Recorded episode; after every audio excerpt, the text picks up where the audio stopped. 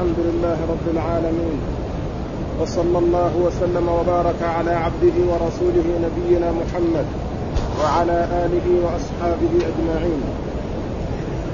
قال الإمام النسائي رحمه الله باب صفة الوضوء.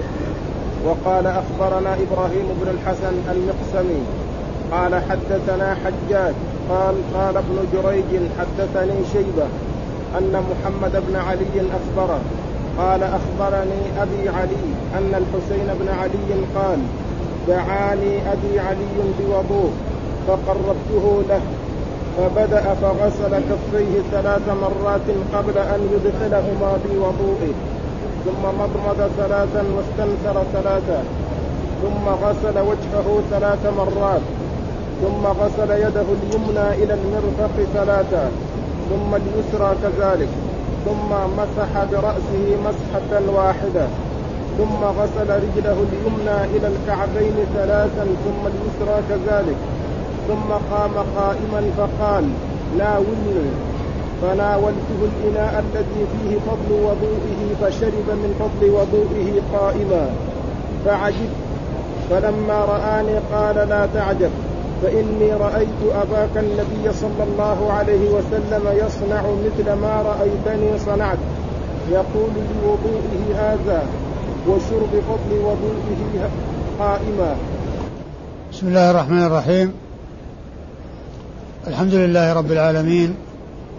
وصلى الله وسلم وبارك على عبده ورسوله نبينا محمد وعلى آله وأصحابه أجمعين. أما بعد يقول النسائي رحمه الله باب صفة الوضوء.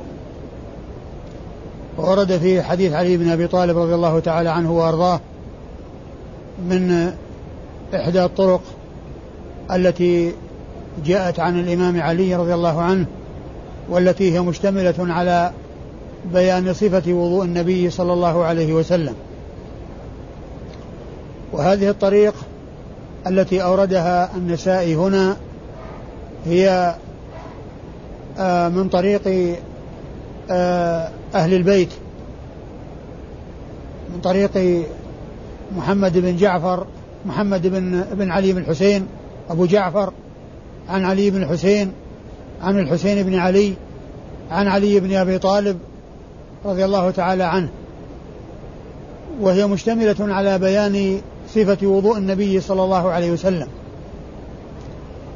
و علي وحسين بن علي رضي الله عنه وأرضاه يقول إن أباه علي أن أباه علي رضي الله عنه آه، أمره بأن يأتي له بوضوء فجاء بالوضوء فأفرغ على يديه من الإناء ثلاث مرات فغسلهما غسل يديه قبل أن يدخلهما بالإناء ثلاثا ثم تمضمض ثلاثا واستنشق ثلاثا وغسل وجهه ثلاثا وغسل يده اليمنى ثلاثا ثم اليسرى ثلاثا ثم مسح برأسه واحدة ثم غسل رجله اليمنى ثلاثا ثم اليسرى ثلاثا ثم قام وطلب منه أن يناوله ما بقي من الماء فشرب وهو قائم.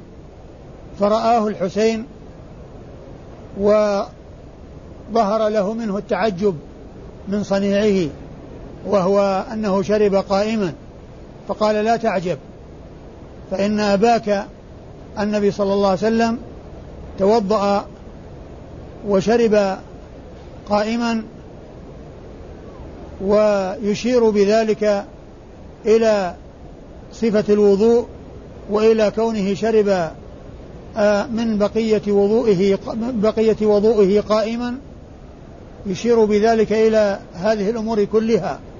كونه عليه الصلاة والسلام توضأ هذا الوضوء الكامل الذي ثلث فيه الأعضاء إلا الرأس فإنه جاء فيه أنه مسح مرة واحدة ثم شرب وهو قائم وقال إن أباك النبي عليه الصلاة والسلام فعل مثل ما صنعت يشير بذلك ويقول مشيرا إلى فعله الوضوء وإلى شربه قائما بعد أن فرغ من الوضوء. وهذه وهذه الكيفية التي جاءت, جاءت عن أمير المؤمنين علي بن أبي طالب رضي الله تعالى عنه وأرضاه مشتملة على صفة الوضوء وعلى أكمل صفاته وهي التثليث في الأعضاء المغسولة من البداية حتى النهاية. إلا ما يمسح فإنه أشار إلى مسحه مرة واحدة وإلى المسح مرة واحدة. وهذه الصفة التي هي التثليث هي أكمل صفات الوضوء ولا يزاد عليها ولا يزاد على التثليث. يعني كونه يغسل وجهه ثلاثا ويديه ثلاثا ورجليه ثلاثا لا يزيد على ذلك. وإنما يقتصر على هذا العدد ولا يتجاوزه ولا يتجاوزه بإضافة غسلات أخرى أكثر من الثلاث لأن هذا هو الذي جاء عن النبي الكريم صلوات الله وسلامه وبركاته عليه.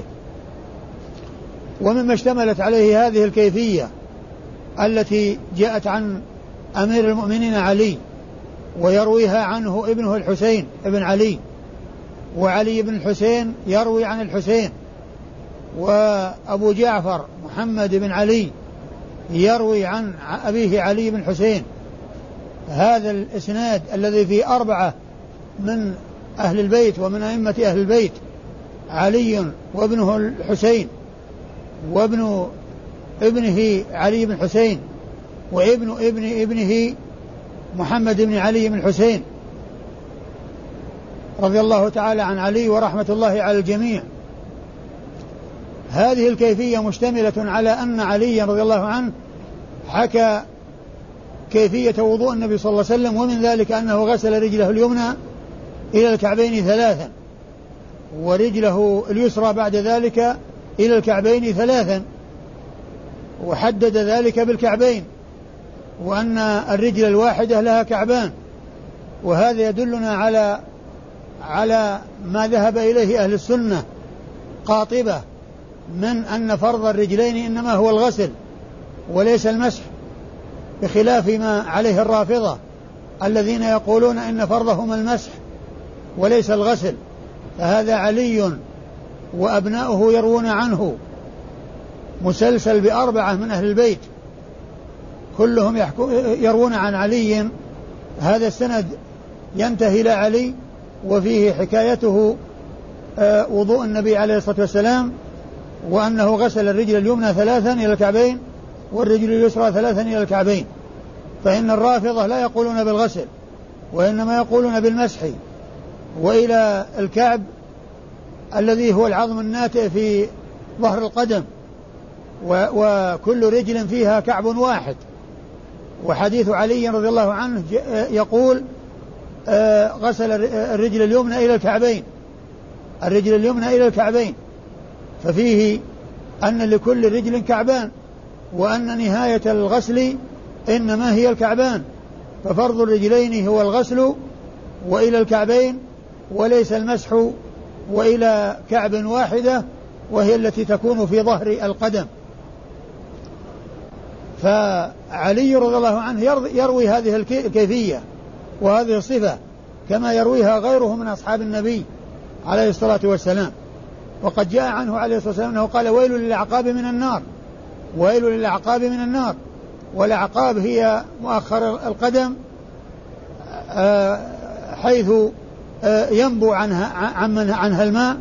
فإن النبي عليه الصلاة والسلام رأى جماعة من أصحابه يتوضؤون وإذا آه، الماء قد نما نبى عن أجزاء من العقب فقال عليه الصلاة والسلام ويل للعقاب من النار.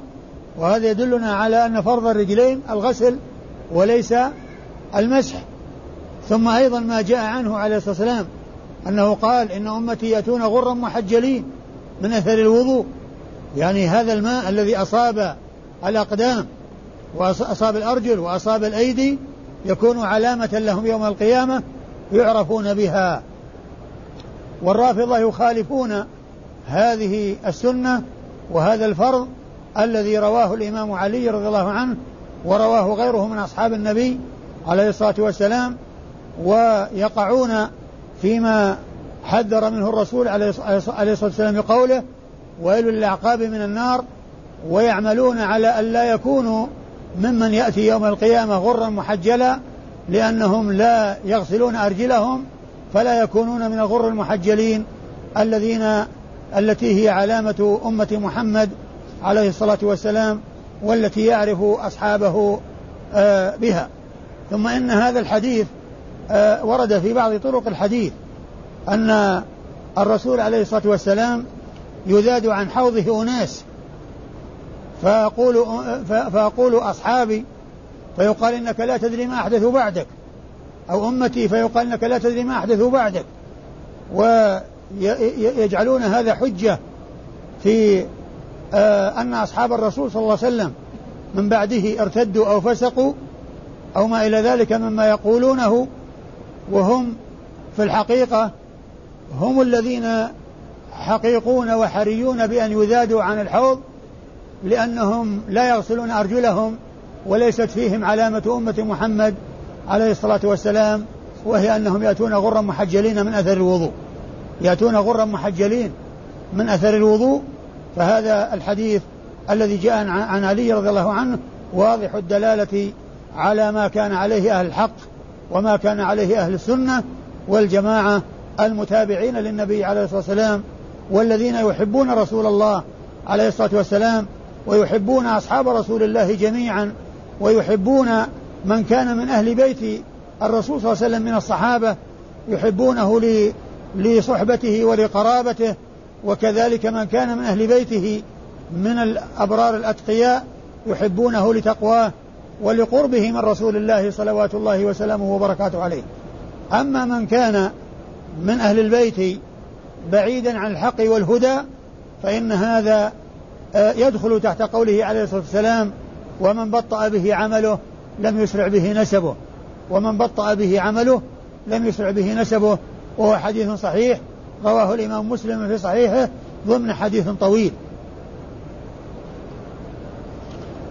وإسناد هذا الحديث يقول فيه النسائي أخبرنا إبراهيم بن الحسن المقسمي. وإبراهيم بن الحسن المقسمي هذا تقدم وهو إبراهيم بن الحسن المصيصي. ويقال له المقسمي كما ذكره النسائي هنا. وقد تقدم ذكر هذا الرجل مرارا يروي عنه النسائي آه ويقول فيما مضى أخبرنا إبراهيم بن الحسن وهنا زاد المقسمي وهو المصيصي الذي سبق أن مر ذكره وهو ثقة خرج له أبو داود والنسائي وابن ماجه في التفسير. وابن ماجه في التفسير. هؤلاء هم الذين خرجوا لهذا الرجل الذي هو شيخ النسائي إبراهيم بن الحسن المصيصي المقسمي. يروي إبراهيم بن الحسن عن حجاج وحجاج هنا غير منسوب وهو حجاج بن محمد المصيصي الذي سبق أن مر ذكره فيما مضى في أحاديث يروي فيها إبراهيم بن الحسن عنه والاثنان مصيصيان فإبراهيم بن الحسن مصيصي وشيخه حجاج بن محمد أيضا مصيصي وهو ثقة أي حجاج بن محمد المصيصي ثقة خرج حديثه أصحاب الكتب خرج حديثه حديثه أصحاب الكتب الستة ويروي آه، حجاج ابن محمد عن من؟ عن ابن جريج. وابن جريج هو عبد الملك ابن عبد العزيز ابن جريج المكي وهو ثقة فقيه مشهور وقد مر ذكره فيما مضى ويروي عنه فيما مضى مما ممن روى عنه فيما مضى الراوي عنه هنا وهو حجاج بن محمد المصيصي. فعبد الملك ابن عبد العزيز ابن جريج المكي هو أحد الثقات وهو وحديثه في الكتب الستة. حديثه في الكتب الستة خرج حديثه أصحاب الكتب الستة. عن شيبة عن شيبة؟ عن شيبة. وشيبة هذا غير منسوب. وهو شيبة بن نصاح. شيبة بن نصاح المدني وهو وهو ثقة خرج له النسائي وحده فلم يخرج له من أصحاب الكتب إلا النسائي ولم يخرج له النسائي إلا هذا الحديث الواحد. فإذا شيبة هذا لا يوجد في الكتب الستة إلا في هذا المكان وفي هذا الموضع لأنه ليس له في الكتب الستة إلا عند النسائي وليس له عند النسائي إلا هذا الحديث الواحد. فلا يوجد فلا يأتي ذكر هذا الرجل في سنن النسائي إلا في رواية هذا الحديث عن علي في بيان صفة وضوء النبي عليه الصلاة والسلام. فهو من أفراد ممن انفرد النسائي بالإخراج له ولم يروي عنه النسائي إلا حديثا واحدا في بيان صفة وضوء النبي صلى الله عليه وسلم هذا الذي يرويه عن أهل البيت. وشيبة بن نصاح هذا يروي عن محمد ابن علي ابن الحسين ابن علي بن أبي طالب أبو جعفر الباقر وهو إمام من أئمة أهل السنة إمام ثقة آه ثقة فاضل آه مكثر من رواية الحديث عن رسول الله من رواية حديث رسول الله عليه الصلاة والسلام. وحديثه عند أصحاب الكتب الستة. حديثه عند أصحاب الكتب الستة وهو إمام من أئمة أهل السنة وهو أحد الأئمة الاثنى عشر عند الرافضة الذين يغلون بهم ويبالغون في الغلو بهم بل يرفعونهم فوق منازل الأنبياء والمرسلين والملائكة المقربين. وأوضحوا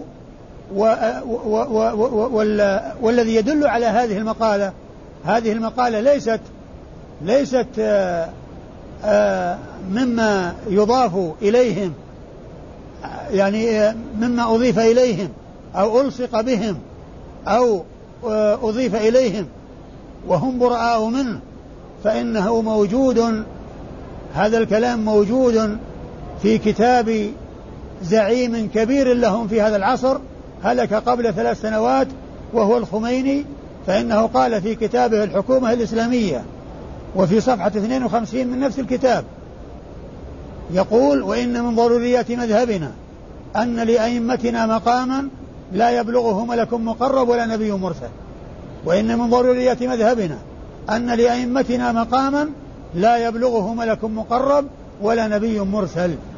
هذا كلام الخميني الموجود في كتابه. الذي هو معروف ومشاهد ومعاين ومنتشر في أقطار الأرض. هذا الكتاب مشتمل على هذا الكلام الذي يرفع فيه الأئمة الاثني عشر فوق منزلة الملائكة والأنبياء. وإن من ضروريات مذهبنا أن لأئمتنا مقاما لا يبلغه ملك مقرب ولا نبي مرسل. وإذا كان هذا كلام زعيمهم الكبير ومرجعهم الأعلى وآيتهم العظمى فإذا آه الأتباع آه تبعا لهذا المتبوع تبعا لهذا المتبوع الذي هذا كلامه وهذا افتراؤه وهذا قوله الباطل الذي هو في غاية البطلان. آه يروي محمد بن علي ابن الحسين آه عن أبيه علي وهو زين العابدين علي بن الحسين وهو من من فضلاء أهل البيت ومن خيارهم ومن زهادهم وعبادهم وهو ثقة وهو ثقة حديثه في الكتب الستة. ثقة حديثه في الكتب الستة. خرج حديثه أصحاب الكتب. وعلي بن الحسين يروي عن أبيه الحسين ابن علي. آه سبط رسول الله عليه الصلاة والسلام أحد السبطين الحسن والحسين سيد شباب أهل الجنة كما جاء بذلك, جاء بذلك الحديث عن رسول الله عليه الصلاة والسلام. فالحسين بن علي هو أحد الحسنين السبطين اللذين هما سيدا شباب أهل الجنة كما أخبر بذلك رسول الله صلوات الله وسلامه وبركاته عليه.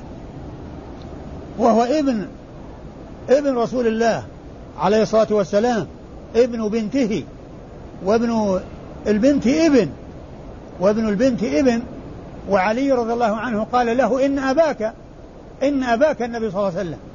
قال له لما رآه يتعجب من شربه قائما قال إن أباك النبي صلى الله عليه وسلم فعل هذا. إن أباك فهو ابن بنت رسول الله وسبطه وهو آآ أحد الاثنين اللذين هما سيد شباب سيد شباب الجنة كما جاء كما جاء بذلك الحديث الصحيح عن رسول الله صلوات الله وسلامه وبركاته عليه. و وهو أحد الصحابة الكرام والصحابة كما كما عرفنا لا يحتاج إلى أن يقال في واحد منهم ثقة أو أو هو كذا يكفيه شرفا وفضلا أن يقال إنه صاحب رسول الله. وهذا جمع بين الصحبة والقرابة والبنوة للنبي عليه الصلاة والسلام. فهو صحابي آه، سبط آه، هو من أهل الجنة وممن شهد له بالجنة وهو مع الحسين مع الحسن رضي الله تعالى عنهما سيدا شباب أهل الجنة كما جاءت بذلك السنة الصحيحة عن رسول الله عليه الصلاة والسلام. والحسن الحسين يروي عن أبيه علي علي رضي الله عنه علي أمير المؤمنين ورابع الخلفاء الراشدين وأحد العشرة المبشرين بالجنة وهو أفضل الصحابة بعد الأنبياء بعد أبي بكر وعمر وعثمان أفضل من مشى على الأرض بعد بعد الأنبياء والمرسلين وبعد أبي بكر وعمر وعثمان رضي الله تعالى عن الجميع.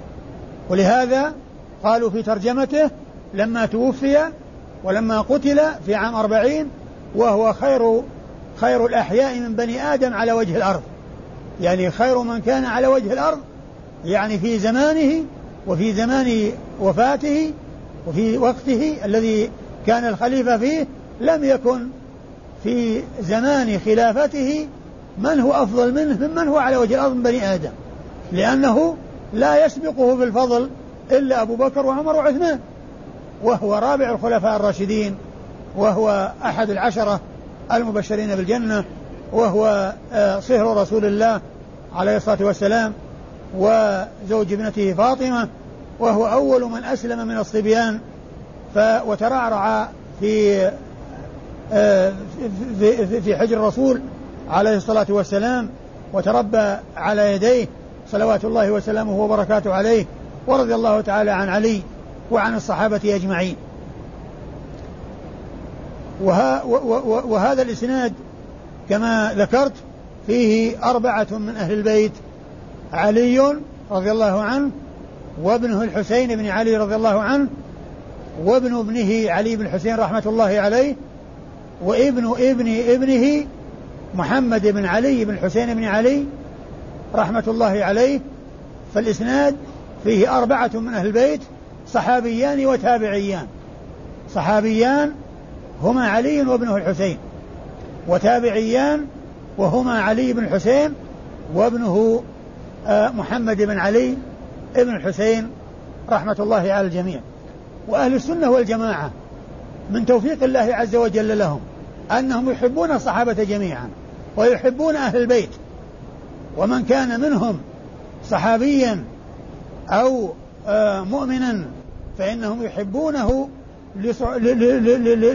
لإيمانه ولقرابته من رسول الله عليه الصلاة والسلام. ومن كان منهم صحابيا يحبونه لصحبته ولقرابته من رسول الله عليه الصلاة والسلام فهم يحبونهم ويعظمونهم ويعرفون منازلهم ولكنهم لا يغلون ولا يجفون لا يزيدون ويتجاوزون الحدود ولا يجفون فيقدحون بهم ويتكلمون فيهم يعني بغير الذي آه، يثبت أو يضاف إلى من يضاف منهم وهؤلاء الأربعة هم ممن آه، آه، يعظمونهم وحديثهم في الكتب الستة اثنان صحابيان واثنان تابعيان اثنان صحابيان واثنان تابعيان. وهذا وهذا من فضل الله عز وجل على أهل السنة والجماعة. إذ يحبون أولياء الله. من كان من أهل البيت فيحبونه لولايته ولكونه ولقرابة من رسول الله صلى الله عليه وسلم.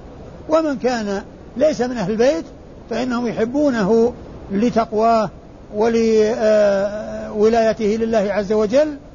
وقد قال عليه الصلاة والسلام ثلاث من كن فيه وجد بهن حلاوة الإيمان أن يكون الله ورسوله أحب إليه مما سواهما وأن يحب المرء لا يحبه إلا لله.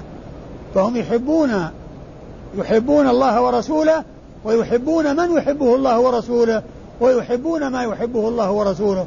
صلوات الله وسلامه وبركاته عليه. ورضي الله تعالى عن الصحابة أجمعين. ولهذا من عقيدة أهل السنة والجماعة سلامات قلوبهم وألسنتهم لأصحاب الرسول صلى الله عليه وسلم. فهم يحبونهم ويتولونهم جميعا وينزلونهم منازلهم التي يستحقونها بالعدل والإنصاف لا بالهوى والتعسف. لا بالهوى والتعسف. ومعولهم في ذلك كله على الأدلة الثابتة عن رسول الله عليه الصلاة والسلام. نعم. واحد يسأل الشرب عن الشرب قائما. أما الشرب قائما فقد جاء في هذا الحديث أن علي رضي الله عنه شرب فضل وضوئه قائما وقال إن النبي عليه الصلاة والسلام فعل هذا. وجاء عن النبي صلى الله عليه وسلم أنه شرب من زمزم قائما. وقد جاء أحاديث تنهى عن الشرب قائما. وجمع بينها العلماء بأن الفعل دال على الجواز والنهي دال على كراهة التنزيه وأن الأولى للإنسان أن يشرب جالسا وإن شرب قائما فإنه لا بأس بذلك. وإن شرب قائما فإنه لا بأس بذلك. وكل جاء عن النبي صلى الله عليه وسلم إلا أن الأكثر والمعروف من عادته أن يشرب قائما أن يشرب جالسا. وشربه قائما جاء في بعض المواضع وهو دال على الجواز. وما جاء من النهي فهو محمول على التنزيه وليس على التحريم. قبر حسين بن علي شو والمعروف يقولون يعني أن رأسه في مصر ويزار الحسين بن علي رضي الله عنه قتل مظلوما في كربلاء ولم يثبت أن رأسه ذهب إلى مصر والمسجد الذي في مصر باسم الحسين يعني ليس هناك ما يدل عليه ولعل هذا من أوضح الأدلة على أن بعض الأضرحة وأن بعض ما يضاف إلى الأولياء من الأضرحة أنه من هذا القبيل أشياء لا حقائق لها ولا أساس لها وإنما هو شيء ابتلي به الناس ابتلي به الناس. فهذا من أوضح الأدلة الدالة على أن آه، بعض الأضرحة التي تنسب إلى بعض الأولياء أنها من هذا القبيل تكون. يعني لا حقائق لها ولا أساس لها ولم يأتي شيء يدل على يعني ذهابه إلى مصر وإلى ذهاب رأسه ما ما حصل هذا. نعم. قال عدد غسل اليدين. وقال أخبرنا قتيبة بن سعيد قال حدثنا أبو الأحوص عن أبي إسحاق عن أبي حية وهو ابن قيس قال رأيت عليا رضي الله عنه توضأ فغسل كفيه حتى ألقاهما ثم تمضمض ثلاثا واستنشق ثلاثا وغسل وجهه ثلاثا. وغسل ذراعيه ثلاثا ثلاثا ثم مسح برأسه ثم غسل قدميه إلى الكعبين ثم قام فأخذ فضل طهوره فشرب وهو قائم ثم قال أحببت أن أريكم كيف طهور النبي صلى الله عليه وسلم. ثم أورد النسائي عدد غسلات اليدين وأنها ثلاث على على على الصفة الكاملة. وقد أورد النسائي حديث علي رضي الله عنه في صفة وضوء النبي عليه الصلاة والسلام ولكنه من طريق أخرى غير الطريق الأولى. وقد أورد النسائي حديث علي من عدة طرق. يعني هذه الطريقة التي قبل هذه فيها أربعة من أهل البيت والثانية وهذه الطريق وهذه الطريق ليس فيها الرواية يعني عن علي ليس فيها رواية أهل البيت عنه وإنما هي من الطرق الأخرى التي جاءت عن علي رضي الله عنه في بيان صفة وضوء النبي الكريم صلوات الله وسلامه وبركاته عليه.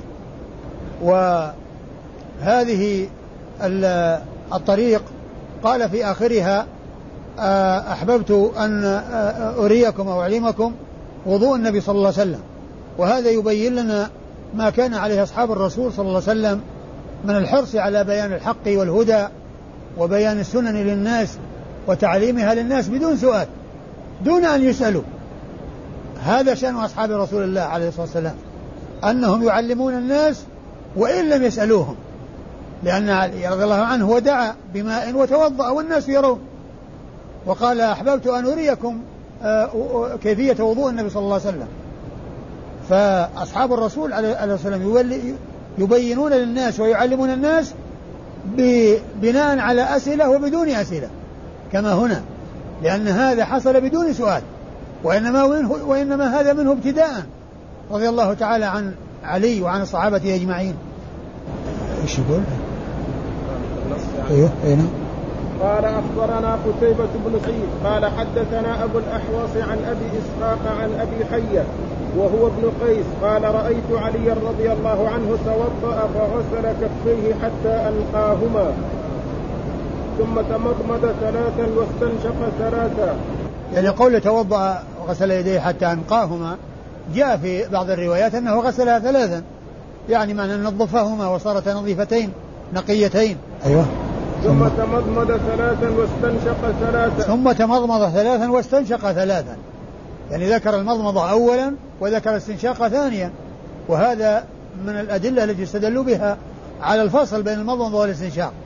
وأن المضمضة والاستنشاق يمكن أن يكون معا من كف واحدة ويمكن أن تفصل المضمضة عن الاستنشاق بحيث يفرغ من المضمضة ثم ينتقل منها إلى الاستنشاق. يفعل ذلك في المضمضة ثلاثا وفي الاستنشاق ثلاثا لأنه جاء الوصل وجاء الفصل. جاء الجمع بينهما في غرفة وجاء الفصل بين بينهما وأن المضمضة تكون على حدة والاستنشاق يكون على حدة. وغسل وجهه ثلاثا وغسل ذراعيه ثلاثا ثلاثا ثم مسح برأسه ثم غسل قدميه إلى الكعبين. ثم قام فأخذ فضل طهوره فشرب وهو قائم. ثم قال أحببت أن أريكم كيف طهور النبي صلى الله عليه وسلم. آه، أما إسناد الحديث أما إسناد الحديث يقول النسائي أخبرنا قتيبة قتيبة بن سعيد الذي مر ذكره كثيرا بل لعله أكثر من مر ذكره من شيوخ النسائي قتيبة بن سعيد. ما أكثر ما يأتي الرواية عن قتيبة بن سعيد في سنن النسائي. فالأحاديث التي مضت آه كثير منها هو من رواية النسائي عن شيخه قتيبة بن سعيد وهو الذي روى عنه أول حديث في سننه أول شيخ روى عنه. أول شيخ روى عنه في سننه هو قتيبة بن سعيد. قتيبة بن سعيد وكثيرا ما يروي عنه الأحاديث فيما مضى وكذلك فيما يأتي. وقتيبة بن سعيد يروي عن أبي الأحوص. وأبي الأحوص يأتي ذكره لأول مرة وهو سلام بن سليم الحنفي وهو مشهور بكنيته أبو الأحوص مشهور بكنيته أبو الأحوص. ولهذا يأتي ذكره كثيرا بالكنية يأتي ذكره كثيرا بالكنية أبو الأحوص. وأبو الأحوص يروي عن أبي إسحاق وهو السبيعي وهو عمرو بن عبد الله الهمداني. و و وأبو الأحوص هو من الثقات المتقنين. هو من الثقات المتقنين. وحديثه في الكتب الستة. هو ثقة متقن وحديثه في الكتب الستة. أبو الأحوص سلام بن سليم.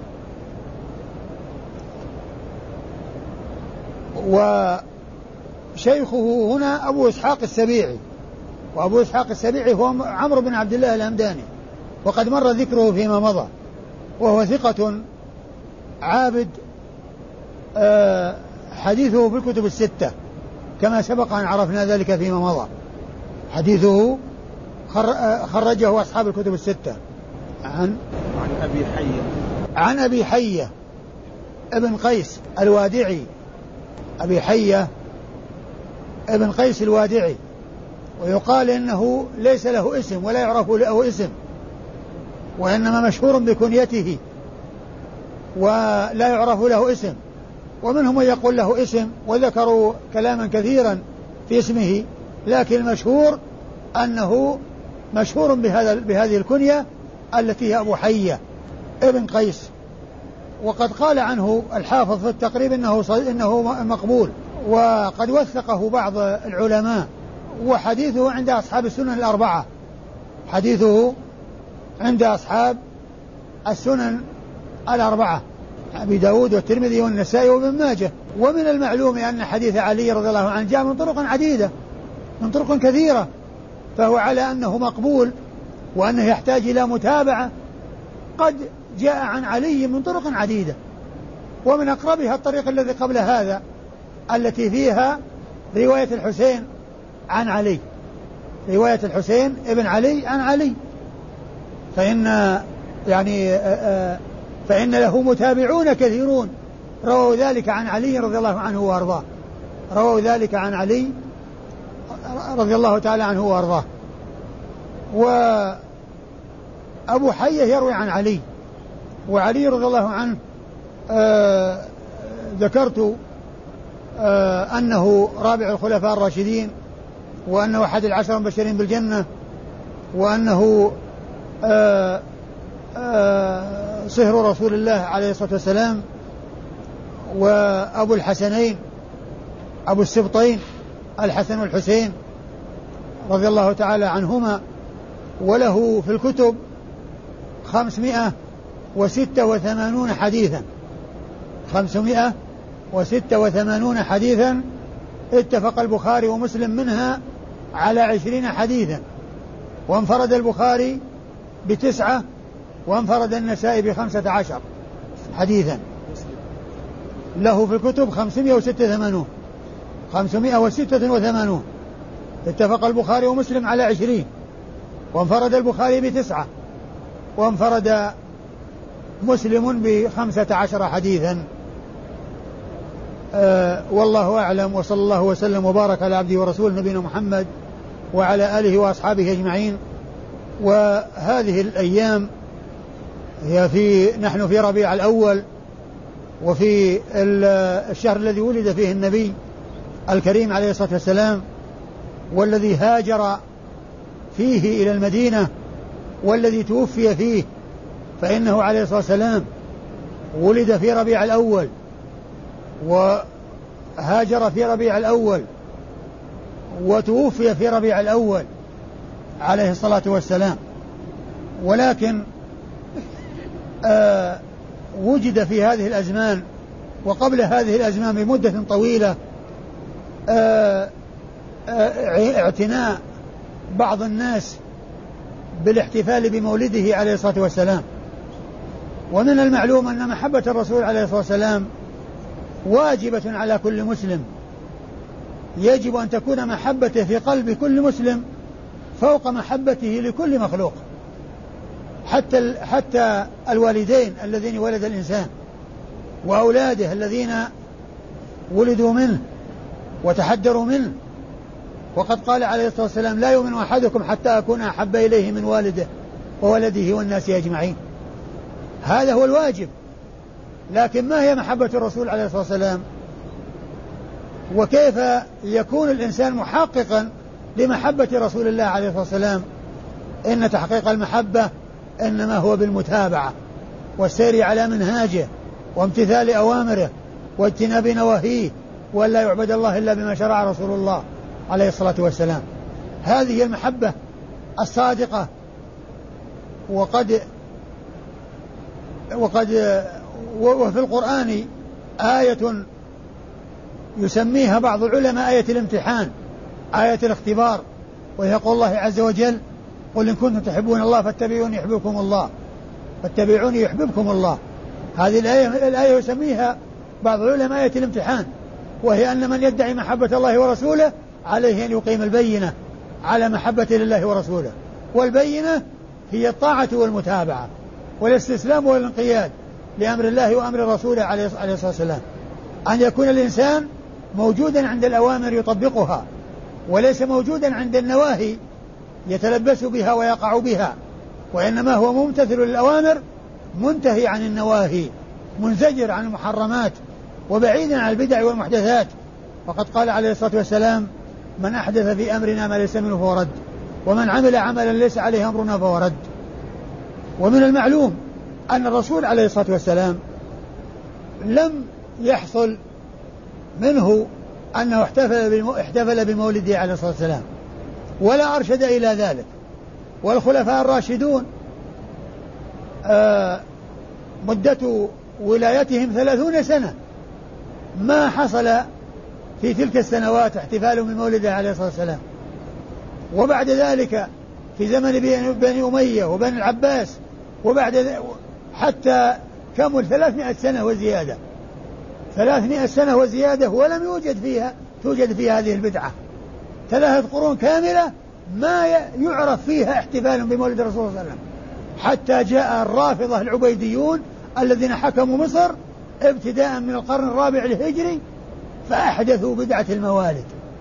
أول من أحدث بدعة الموالد في الإسلام الرافضة العبيديون الذين حكموا مصر. ابتداء من القرن الرابع الهجري. كما ذكر ذلك المقريزي في كتاب الخطط والآثار. فإنهم قال فإنه قال إنهم أحدثوا أحدثوا ستة موالد وهم أول من أحدثها.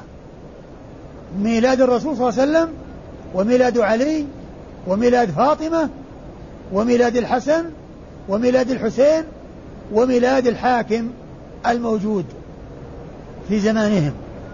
هذه ستة موالد أحدثوها. فهو فهي بدعة الذي سبق إليها الرافضة والذي ابتدعها الرافضة. فهي بدعة رافضية. بدعة نشأت من الرافضة. العبيديون الذين حكموا مصر في القرن الرابع الهجري كما ذكر ذلك الخطيب كما ذكر ذلك المقريزي في كتابه الخطط والآثار. في كتابه الخطط والآثار الذي ذكر فيه أخبار مصر وما جرى فيها وأخبر أن هذه البدعة وجدت في في عهد العبيديين الذين حكموا مصر آه، ابتداء من القرن الرابع. وإذا فثلاثمائة سنة كاملة ما يعرفون هذه البدعة. ومن المعلوم أن الرسول صلى الله عليه وسلم قال خير القرون قرني ثم الذين يلونهم ثم الذين يلونهم. وهذه القرون الثلاثة التي هي ثلاثمائة سنة كاملة ما وجد فيها هذا هذا الاحتفال وإنما وجد في القرن الرابع والذي أحدثه رافضة وهم العبيديون الذين حكموا مصر. فإذا هذا العمل الذي هو الاحتفال بمولده عليه الصلاة والسلام لا أساس له من الدين وإنما هي بدعة رافضية وجدت في القرن الرابع الهجري وأصل ابتداعها تقليد للنصارى. النصارى يحتفلون بعيد موسى عيسى ميلاد عيسى ونحن ما نحتفل بعيد محمد.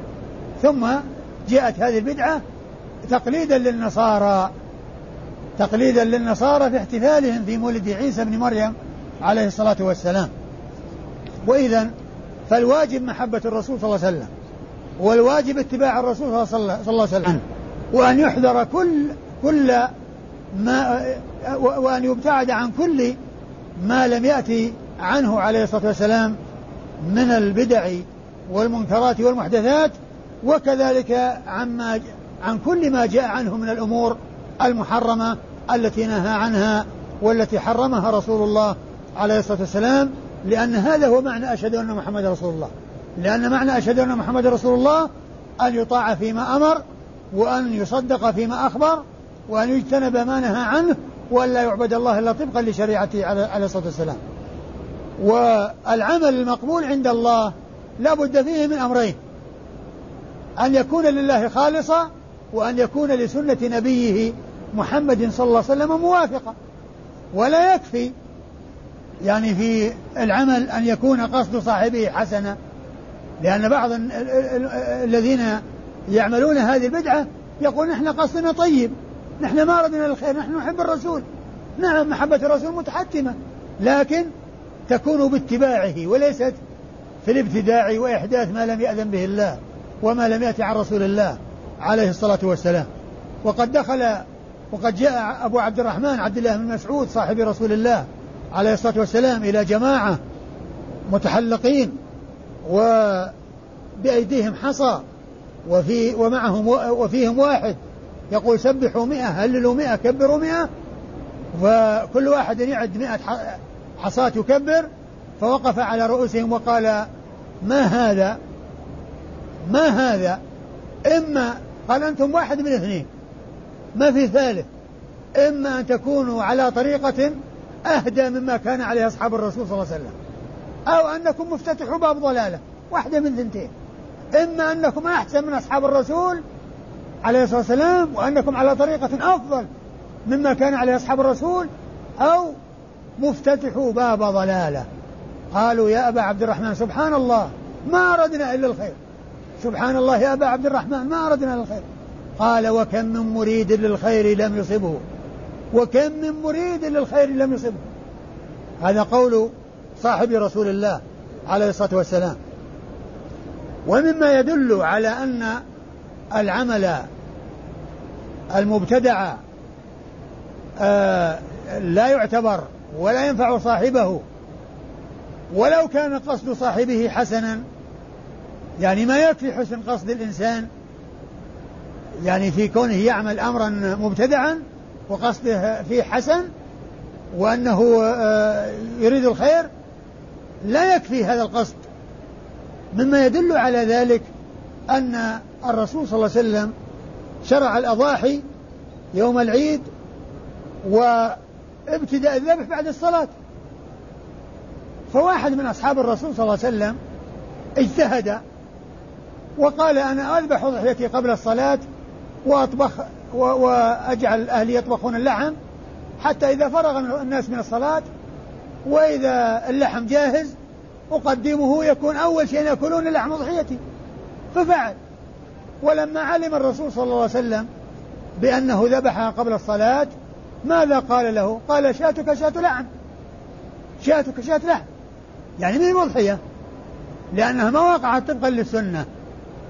لأن السنة أن تكون الأضحية بعد الصلاة بعد صلاة العيد. قال شاتك شاة لحم. يعني مثل الشاة اللي ذبحت في أثناء السنة.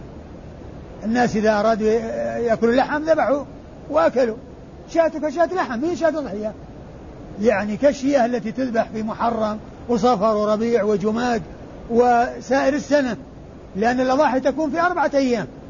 ابتداء من يوم العاشر بعد صلاة العيد إلى نهاية اليوم الثالث عشر. هذه أيام الذبح. هذه أيام الذبح. فهذا الذي ذبح قبل الصلاة الرسول صلى الله عليه وسلم قال شاتك شات لحم. ما اعتبرها ضحية مع أن قصده حسن. قال الحافظ بن حجر في فتح الباري نقلا عن بعض العلماء قال وفي هذا الحديث دليل على أن العمل لا يعتبر إذا إلا إذا وقع مطابقا للسنة وأنه لا يكفي حسن قصد الفاعل. يعني كون قصد صاحبه حسنا لا يكفي فيه. فإنه إذا كان غير مطابق للسنة فإنه غير معتبر. وهذا واضح الدلالة لأن هذه العطية ما اعتبرت. وقصد صاحبه حسن. ومع ذلك الرسول صلى الله عليه وسلم قال لو شاتك شات لحما. فإذا لا بد من الاتباع. والخير كل الخير في اتباع من سلف. وكل شر في ابتداع من خلف.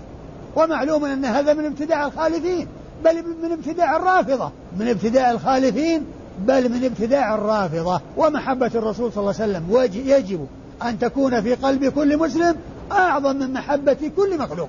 لا يؤمن أحدكم حتى أكون أحب إليه من والده وولده والناس أجمعين. لكن محبته بالاتباع لا بالابتداع. محبته بالابتداع بالاتباع لا بالابتداع. صلوات الله وسلامه وبركاته عليه.